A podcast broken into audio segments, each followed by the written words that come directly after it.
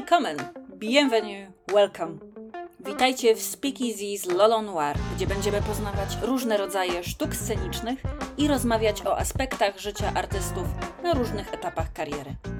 Ja jestem Lola Noir i będę waszą przewodniczką przez zakamarki tego niesamowitego świata. W tym podcaście odsłonimy kurtynę i zagłębimy się w różne aspekty bardziej niszowych sztuk scenicznych. Niezależnie od tego, czy sztuka sceniczna to Twoje hobby, czy główne źródło utrzymania, jeśli szukasz inspiracji, wsparcia, albo dopiero chcesz rozpocząć swoją przygodę ze światem artystycznym i poznać sekrety życia artysty scenicznego, to jesteś w dobrym miejscu. Speakeasy z Lolo Noir otworzy Wam drzwi do tajemnic sztuk scenicznych i rozwoju artystycznego. Udajcie się ze mną w tę podróż. Cześć, jestem Lola Noir i to jest mój podcast. Chciałabym dzisiaj pogadać na temat pewnego uczucia, które myślę, że towarzyszy bardzo wielu osobom zajmującym się występowaniem na scenie, jak również po prostu wielu osobom. Kropka. Ale oczywiście skupiamy się wokół sztuk scenicznych. Jako artystka, oczywiście prowadzę sama swoje wszystkie social media, bo ym, osoby zajmujące się burleską właściwie wszystko robią same. I często dostaję różne wiadomości na Instagramie czy na Facebooku od różnych osób. Niektórzy chcą mi sprawić jakiś komplement, niektórzy chcą pogratulować udanego występu, natomiast raz na jakiś czas zdarzy się jakiś komentarz niezbyt przyjemny czy wręcz obraźliwy, czasami w dosyć ciekawy sposób. Pamiętam jedną taką historię, kiedy dostałam pytanie od jakiegoś faceta, czy nie wstydzę się tego, że rozbieram się na scenie. I o tym chciałabym dzisiaj pogadać, o wstydzie. Odpowiadając na to pytanie, które zostało mi zadane, oczywiście nie wysłałam tej odpowiedzi do osoby, która to pytanie zadała, bo nie mam w zwyczaju odpowiadać na tego typu komentarze. Natomiast nie, nie wstydzę się i nigdy się nie wstydziłam. Natomiast myślę, że relacja z uczuciem wstydu to jest coś, co jest bardzo ważne i myślę, że o uczuciu wstydu, jaki towarzyszy osobom występującym na scenie, można mówić w kilku różnych wymiarach, w zależności od tego, czym dana osoba się zajmuje i czy osoba taka funkcjonuje w społeczeństwie jako mężczyzna czy jako kobieta. Ale zacznijmy od tych najbardziej ogólnych i myślę uniwersalnych rodzajów wstydu. Takim rodzajem wstydu jest wstyd przed opinią innych ludzi. Jako osoba występująca na scenie niewątpliwie wystawiam się na opinię innych ludzi. Mało tego, w sumie trochę mi nawet zależy na tej opinii. Wstyd przed opinią innych ludzi to takie uczucie, które występuje, kiedy obawiamy się, co ludzie pomyślą o naszym występie. I to jest taki wstyd, z którym ja osobiście mam bardzo dużo doświadczenia. To jest wstyd czy strach przed negatywną oceną publiczności, osób, które być może wiedzą więcej na jakiś temat niż my. To może prowadzić do ogromnego stresu i tremy przed występem. I ja osobiście, tak jak powiedziałam, mam bardzo dużo doświadczenia z tego typu stresem, co może się wydawać nieco dziwne. Jako dziecko chodziłam do szkoły muzycznej i w ramach szkoły muzycznej, dla tych z Was, którzy nie wiedzą, jak edukacja w takiej szkole wygląda, kiedy uczymy się gry na jakimś instrumencie, pod koniec każdego semestru zdaje się egzamin przed komisją w najbardziej stresujących warunkach, jakie można sobie wyobrazić. Wyobraźcie sobie wielką salę koncertową, trzy czy cztery osoby siedzące w komisji i dziecko lat 8, 9, 10, które wchodzi na scenę, gra swój program przed komisją, która nie wydaje z siebie ani jednego dźwięku.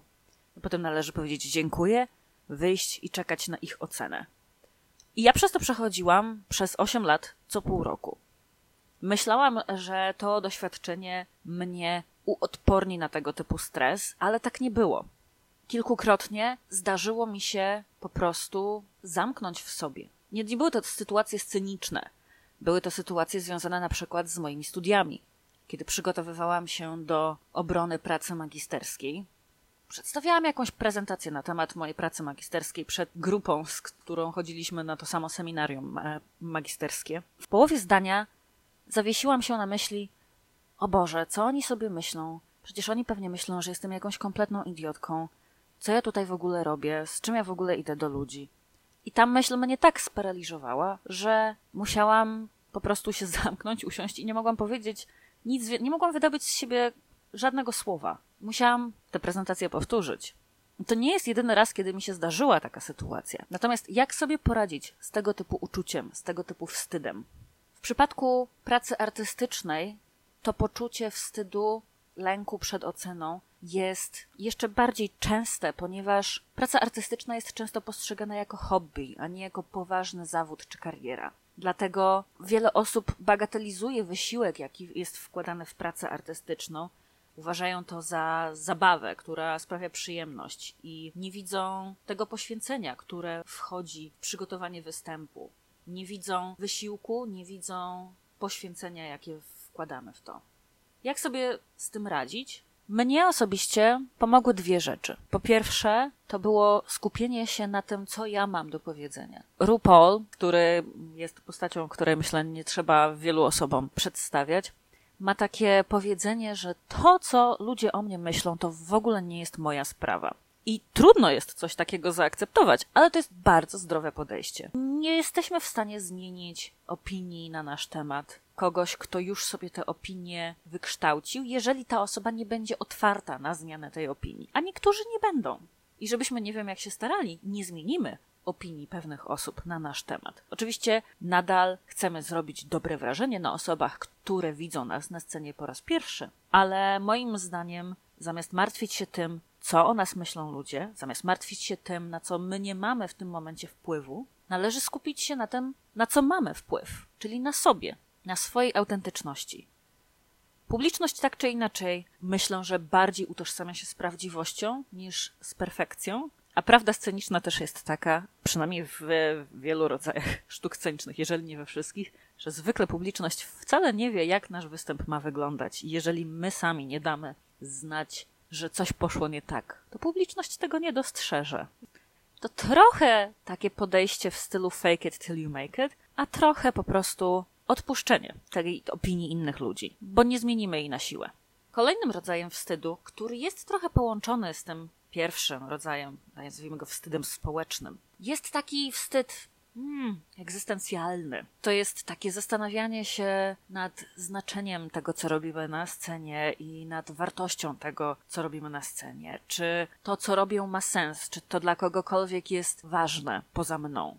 To jest bardzo częste u osób zajmujących się pracą artystyczną, bo wśród nas jest statystycznie więcej osób o rozwiniętej wrażliwości emocjonalnej, a to się wiąże z tym, że wszelkie rozterki związane z tą pracą artystyczną dotykają nas dużo mocniej, dużo mocniej je przeżywamy. Nawet w burlesce, która może na pierwszy rzut oka wydawać się sztuką rozrywkową, lekką, łatwą i niezbyt poważną, nadal można przekazać ważne przesłanie, nadal można zajmować się trudnymi tematami. Ja sama poruszam czasami trudne tematy w swoich pokazach, mimo że większość moich pokazów jest dosyć rozrywkowa.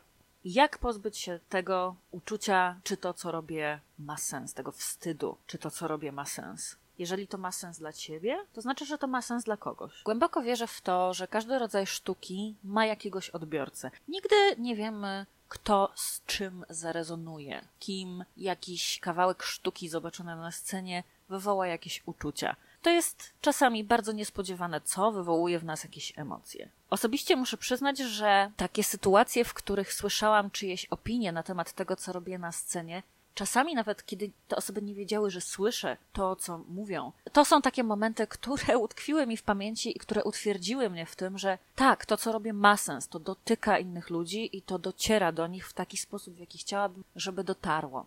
Pamiętam, że kiedyś siedziałam w garderobie przygotowując się do kolejnego występu i po prostu słyszałam rozmowę osób, które były na publiczności i rozmawiały akurat o moim występie i powiedziały, kurczę, zwykle na burlesce jest ładny obrazek, a tutaj jeszcze trzeba pomyśleć. I pomyślałam sobie, wow, tak, o to mi chodziło. To dla mnie jest okej okay osobiście, że nie wywołam takiego uczucia w każdej osobie, ale jeżeli wywołam w kimś, wiecie, jeżeli wywoła się taką emocję w paru osobach, to dla mnie już ta kwestia jest warta zachodu. Kolejnym rodzajem wstydu, który myślę, że towarzyszy wielu osobom występującym na scenie, czy w ogóle wielu osobom zajmującym się sztuką, jest tak zwany syndrom oszusta, syndrom impostora. To jest takie uczucie, które występuje, kiedy porównujemy się z innymi i odczuwamy, że nie jesteśmy wystarczająco dobrzy. Patrzymy na inne osoby, które zajmują się podobnymi rzeczami co my i mamy poczucie, że w porównaniu z nimi jesteśmy niekompetentni, w porównaniu z nimi nie mamy za wiele do zaoferowania. Syndrom oszusta to jest taki rodzaj myślenia, kiedy uważa się, że się nie zasługuje na swoje osiągnięcia, na swoje sukcesy, swoją pozycję społeczną i że w każdej chwili może się zdarzyć taka sytuacja, że ktoś odkryje nas jako oszusta, że nie zasłużyliśmy na swoje mie miejsce w danej społeczności, miejsce na scenie, tylko w jakiś sposób przebiegle je osiągnęliśmy. To jest bardzo trudny rodzaj wstydu, który często prowadzi do negowania swoich umiejętności, swoich osiągnięć, do przypisywania ich czynnikom zewnętrznym, takim jak szczęście czy jakieś specjalne okoliczności i umniejszania własnej wiedzy i pracy. To jest też taki rodzaj wstydu, który zawsze sprawia, że człowiek bardziej skupia się na przypadku, na jakimś takim negatywnym osądzie sytuacji. Nasze osiągnięcia nie są nasze, tylko zawdzięczamy je szczęściu, wsparciu innych, czyjemuś błędowi w ocenie. Nie chcę tutaj powiedzieć, że nie należy dostrzegać, doceniać i mówić o wsparciu, które dostajemy od innych osób, ale warto dostrzec własną pracę, którą wkładamy w swój rozwój artystyczny, w swoją pracę artystyczną. I to też jest coś takiego, co warto w sobie pielęgnować. Warto celebrować swoje sukcesy, warto celebrować swoją ciężką pracę, którą wkładamy we własny rozwój. To może być suma małych nawyków. Ja na przykład od kilku lat co roku robię sobie takie zestawienie osiągnięć artystycznych danego roku. W ilu miastach wystąpiłam, czy zrobiłam jakieś nowe pokazy, czy zdarzyły mi się jakieś fajne projekty, czy brałam udział w jakichś fajnych warsztatach, szkoleniach. I kiedy zobaczę takie zestawienie całej pracy, jaką wykonałam w trakcie danego roku, to robi mi się jakoś tak, tak lepiej. Mam poczucie, kurczę, rzeczywiście odwaliłam kawał roboty. Dzięki temu czuję się bardziej legitnie, jeżeli wiecie, co mam na myśli. Czuję, że okej, okay, może nawet jeżeli nie jestem nadal w tym miejscu, w którym chciałabym być, w którym myślę, że mogłabym być, to mam poczucie postępu, mam poczucie wykonanej pracy, mam poczucie przebytej drogi. No dobrze, powiedziałam już o kilku rodzajach wstydu, które myślę, że są w miarę uniwersalne. Jeżeli chodzi o ten ostatni, czyli syndrom impostora, to trzeba tutaj powiedzieć, że statystycznie rzecz biorąc, syndrom impostora częściej dotyka kobiety w każdym możliwym środowisku. Kobiety ogólnie mają tendencję do zaniżania swoich osiągnięć, do przypisywania swoich osiągnięć jakimś zewnętrznym okolicznościom. Statystycznie umiejętności i talent kobiet są częściej podważane. Dlatego teraz chciałabym też powiedzieć o kilku dodatkowych rodzajach wstydu, które myślę, że dotykają częściej kobiety. Może nie wszystkie te, te rodzaje wstydu będą dotyczyły wszystkich rodzajów sztuk scenicznych, ale myślę, że nadal można w nich odnaleźć coś dla siebie, jakąś poradę, albo po prostu uczucie, o jak fajnie, że ktoś też tak ma, że nie jestem w tym sama, czyli to jest jednak normalne. Trochę to bym chciała, żeby ludzie też wyciągnęli z tego odcinka. Więc kolejnym rodzajem wstydu, który chciałabym poruszyć, jest taki wstyd przed stawianiem się w centrum uwagi. Kobiety często są socjalizowane do tego, żeby nie robić z siebie widowiska, albo robić z siebie widowisko tylko na konkretnych zasadach. W burlesce wchodzenie na scenę po to, żeby zupełnie dosłownie wszyscy na mnie patrzyli i podziwiali, jaka jestem ekstra, jest w tym coś takiego próżnego. A próżność jest przez wiele osób postrzegana jako coś bardzo negatywnego chęć tego, żeby wszyscy na nas patrzyli, żeby wszyscy na nas właśnie zwracali uwagę, jest postrzegana jako coś, co nie przystoi zwłaszcza kobietom. To jest ten rodzaj wstydu, który myślę, że jest trudniej przepracować, bo on ma w dużej mierze związek z tym, jak kobiety są wychowywane. Znowu wracam tutaj do tej myśli, że oczywiście występuję na scenie po to, żeby ludzie mnie podziwiali i nie będę udawać, że tak nie jest. Myślę, że Wszystkie osoby, które występują na scenie, jak najbardziej chcą być podziwiane przez innych. Ale wracam tutaj też do tej myśli, że to, co robię na scenie, ma jakąś wartość dla mnie i ma jakąś wartość dla widowni. Czy tą wartością jest poruszenie jakiegoś trudnego tematu, czy tą wartością jest danie komuś chwili rozrywki,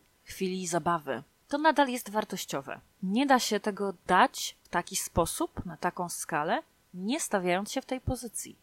Jeżeli czułabym takie uczucie wstydu, bo ja osobiście go nie czuję. Myślę, że dosyć wcześnie w życiu przepracowałam akurat ten konkretny rodzaj wstydu, ale gdyby coś takiego mi się przydarzyło, to staram się przywołać w myślach takie momenty, w których ktoś właśnie mówił mi o tym, że zobaczenie mnie na scenie, zobaczenie mojego pokazu na scenie coś im dało ważnego, fajnego, wywołało w nich jakieś emocje i to pozwala mi prze, może nie przezwyciężyć, może trochę złym słowem będzie tutaj usprawiedliwić swoją obecność na scenie, ale jakby daje mi potwierdzenie, taki może dowód społecznej słuszności tego, co robię.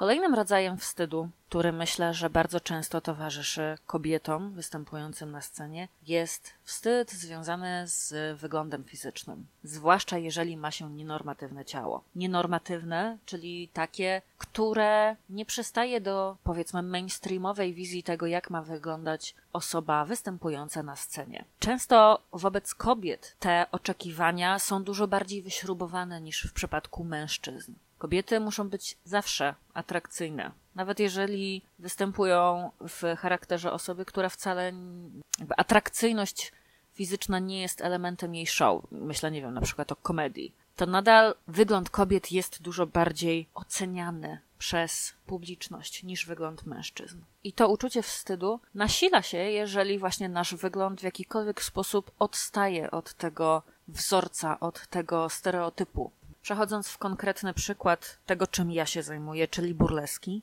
jak najbardziej istnieje stereotyp tego, jak powinna wyglądać artystka burleski, zwłaszcza dla osób, które o burlesce wiedzą niewiele.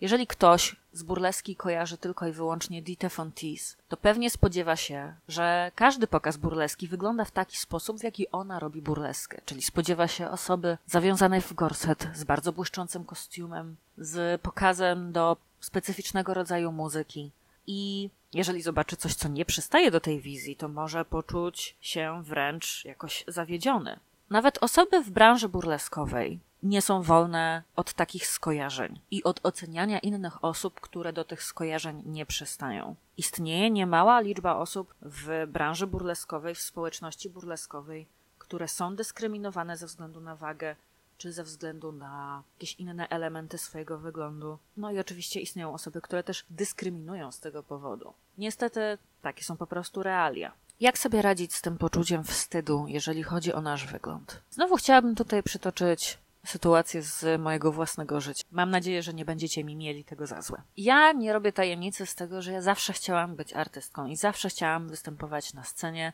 przynajmniej od bardzo młodego wieku, więc to poczucie, że ja chcę być na scenie, było we mnie zawsze bardzo silne, pewnie silniejsze niż jakiekolwiek poczucie wstydu. Scena raczej wywołuje we mnie ekscytację. Jako nastolatka bardzo chciałam zostać zawodową aktorką, zdawać do szkół aktorskich. Zdawałam do szkół aktorskich, no ale to nie wyszło, ale kiedyś o tym opowiem.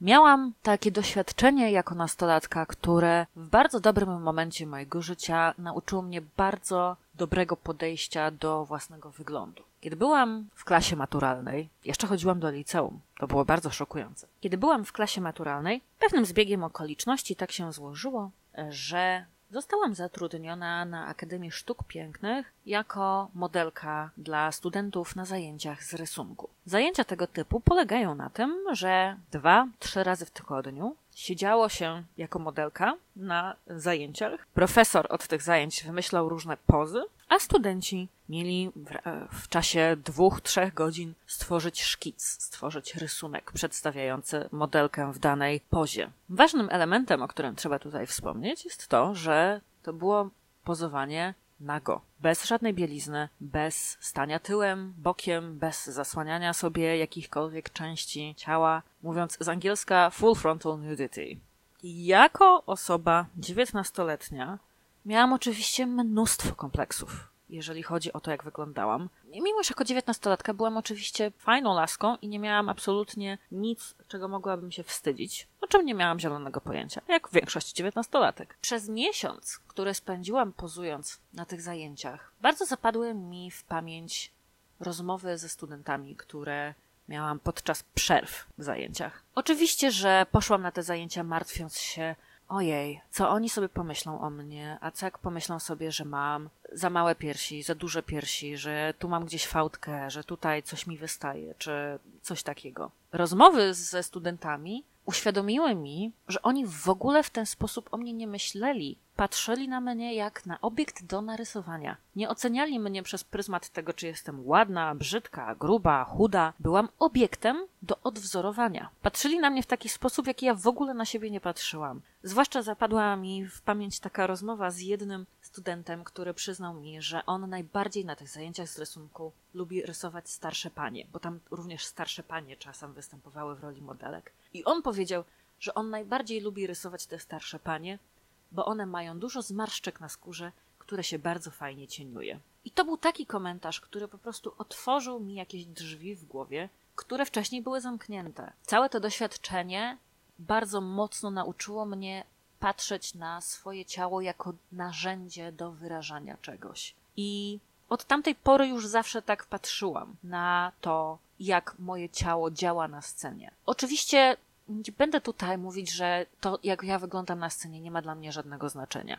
To oczywiście ma znaczenie i myślę, że wygląd fizyczny, wygląd estetyczny jest na scenie bardzo ważny. Bądź co bądź, sztuki sceniczne to są sztuki, które ludzie oglądają, a więc to wrażenie estetyczne jest ważne. Natomiast jeżeli chodzi o kształt ciała, wagę ciała, wygląd czy pewne fizyczne ograniczenia, to wszystko da się ograć. I to nie powinno stanowić punktu wyjścia do tego, co ma się do powiedzenia na scenie. Zawsze patrzyłam na swoje ciało jako narzędzie do powiedzenia czegoś, i dlatego moje podejście do tego, co chcę prezentować na scenie, nie zmieniło się przez lata mojej kariery artystycznej, w trakcie której moja waga osobiście zmieniała się dosyć mocno ze względów zdrowotnych. Nigdy nie przeszło mi przez myśl, żeby przestać występować, dlatego że przybrałam na wadze. Nigdy nie przyszło mi też do głowy, że nie powinnam występować, ponieważ wyglądam w jakiś określony sposób. To, co mam do zaoferowania na scenie, to coś więcej niż jakaś liczba na wadze czy jakiś obwód w którymś miejscu ciała. Ciało jest dla mnie narzędziem, a ponadto ma znaczenie dla ludzi, zwłaszcza w burlesce, żeby oglądać różnorodne osoby. Nie zliczę, ile razy słyszałam właśnie tego typu komentarze od osób, które podchodziły do mnie zachwycone po występie, żeby powiedzieć, że zobaczenie na scenie kogoś takiego jak ja dało im pewność siebie, pozwoliło im zapomnieć o własnych kompleksach, bo mogli zobaczyć kogoś, kto wygląda tak jak oni, kto się nie wstydzi swojego ciała, kto nadal potrafi wyjść na scenę i powiedzieć: Ej, moje ciało jest fajne, takie jakie jest i mogę z nim robić fajne rzeczy. To znowu ma swoją wartość. Jeszcze jednym rodzajem wstydu, który chciałabym omówić, który myślę, że dotyka zwłaszcza kobiety i zwłaszcza w burlesce, a więc w tym, czym ja się zajmuję na co dzień, jest wstyd dotyczący pokazywania seksualności na scenie. To jest bardzo złożony temat i absolutnie nie chcę tutaj sprawiać wrażenia, jakbym była wyrocznią, każdy ma prawo do swojej strefy komfortu, jeżeli chodzi o tę sferę w życiu. Natomiast, ponieważ zajmuję się burleską i ponieważ funkcjonuję w społeczeństwie jako kobieta, to jest to taki rodzaj wstydu, który mnie dotyka, który zdarza się, że jest poruszany. Wspominałam Wam na początku o wiadomościach, które dostaję od e, ludzi. Dostałam kiedyś taką wiadomość, gdzie pewien człowiek spytał mnie, czy ja się spowiadam z tego, co robię na scenie. Istnieje wśród kobiet, zwłaszcza wśród kobiet wychowywanych w wierze chrześcijańskiej, takie poczucie wstydu związanego z seksualnością. Jest w tym coś zdrożnego. Pokazywanie siebie jako osoby seksualnej, osoby aktywnej seksualnie, osoby, która nie wstydzi się tej aktywności seksualnej. To jest trudne. Seksualność na scenie jest trudna nawet w kilku różnych wymiarach. Po pierwsze, dlatego, że pojawia się ta kwestia wstydu, bo mówię, bo pokazuję, gram swoją seksualnością na scenie.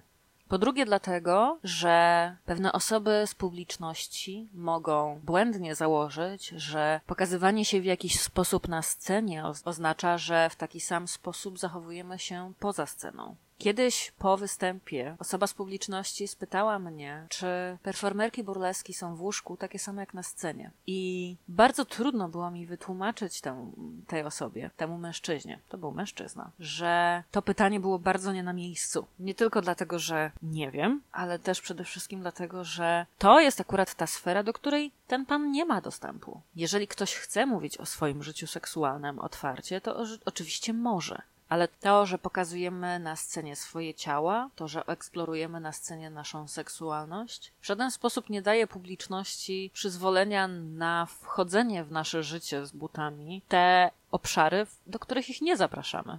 Dla mnie sfera mojego życia seksualnego jest kompletnie oddzielona od burleski. Tutaj bardzo ważnym elementem jest jasne, przejrzyste, wyraźne głosem definiowanie swoich granic i ich przestrzeganie. To znaczy, jeżeli ktoś stawia nam granice, to ich przestrzegajmy i jeżeli my stawiamy granice, też ich przestrzegajmy i wyciągajmy konsekwencje z tego, jeżeli ktoś te granice przekracza. Tak naprawdę to my uczymy innych ludzi, jak chcemy być traktowani, więc jeżeli pozwolimy komuś na wchodzenie w naszą strefę komfortu, to uczymy ich, że to jest ok i że nasza strefa komfortu nie jest aż tak ważna, jak czyjeś niezręczne, nieprzystojne pytanie. Starałam się przy każdym z rodzajów wstydu, który omawiałam, podawać jakieś sposoby na radzenie sobie z tym wstydem. Ale myślę też, że można oczywiście powiedzieć coś o takich ogólnych sposobach radzenia sobie ze wstydem. Przede wszystkim to jest trudne. Najtrudniejszym krokiem jest po prostu akceptacja samego siebie. Artyści, tak samo jak wszyscy inni ludzie, mają swoje słabości, mają swoje niedoskonałości i te cechy stanowią nieodłączną część tożsamości artystycznej. To nie zwalnia nas oczywiście z obowiązku rozwoju artystycznego i dbania o rzeczy, które są dla nas ważne, ale pozwala też tak odczepić się od siebie. To jest takie, taka fraza, którą bardzo lubię. Moja dobra przyjaciółka mówi czasem tak sama do siebie. Mówi, odpieprz się od siebie. Daj sobie spokój, bo czasami traktujemy siebie w taki sposób, w jaki nigdy byśmy nie traktowali osoby, która jest naszym przyjacielem. Kolejną rzeczą, która pomaga w przezwyciężeniu wstydu, tremy, stresu, jest praktyka i przygotowanie. Zadbanie o poczucie komfortu w tym, co robimy na scenie.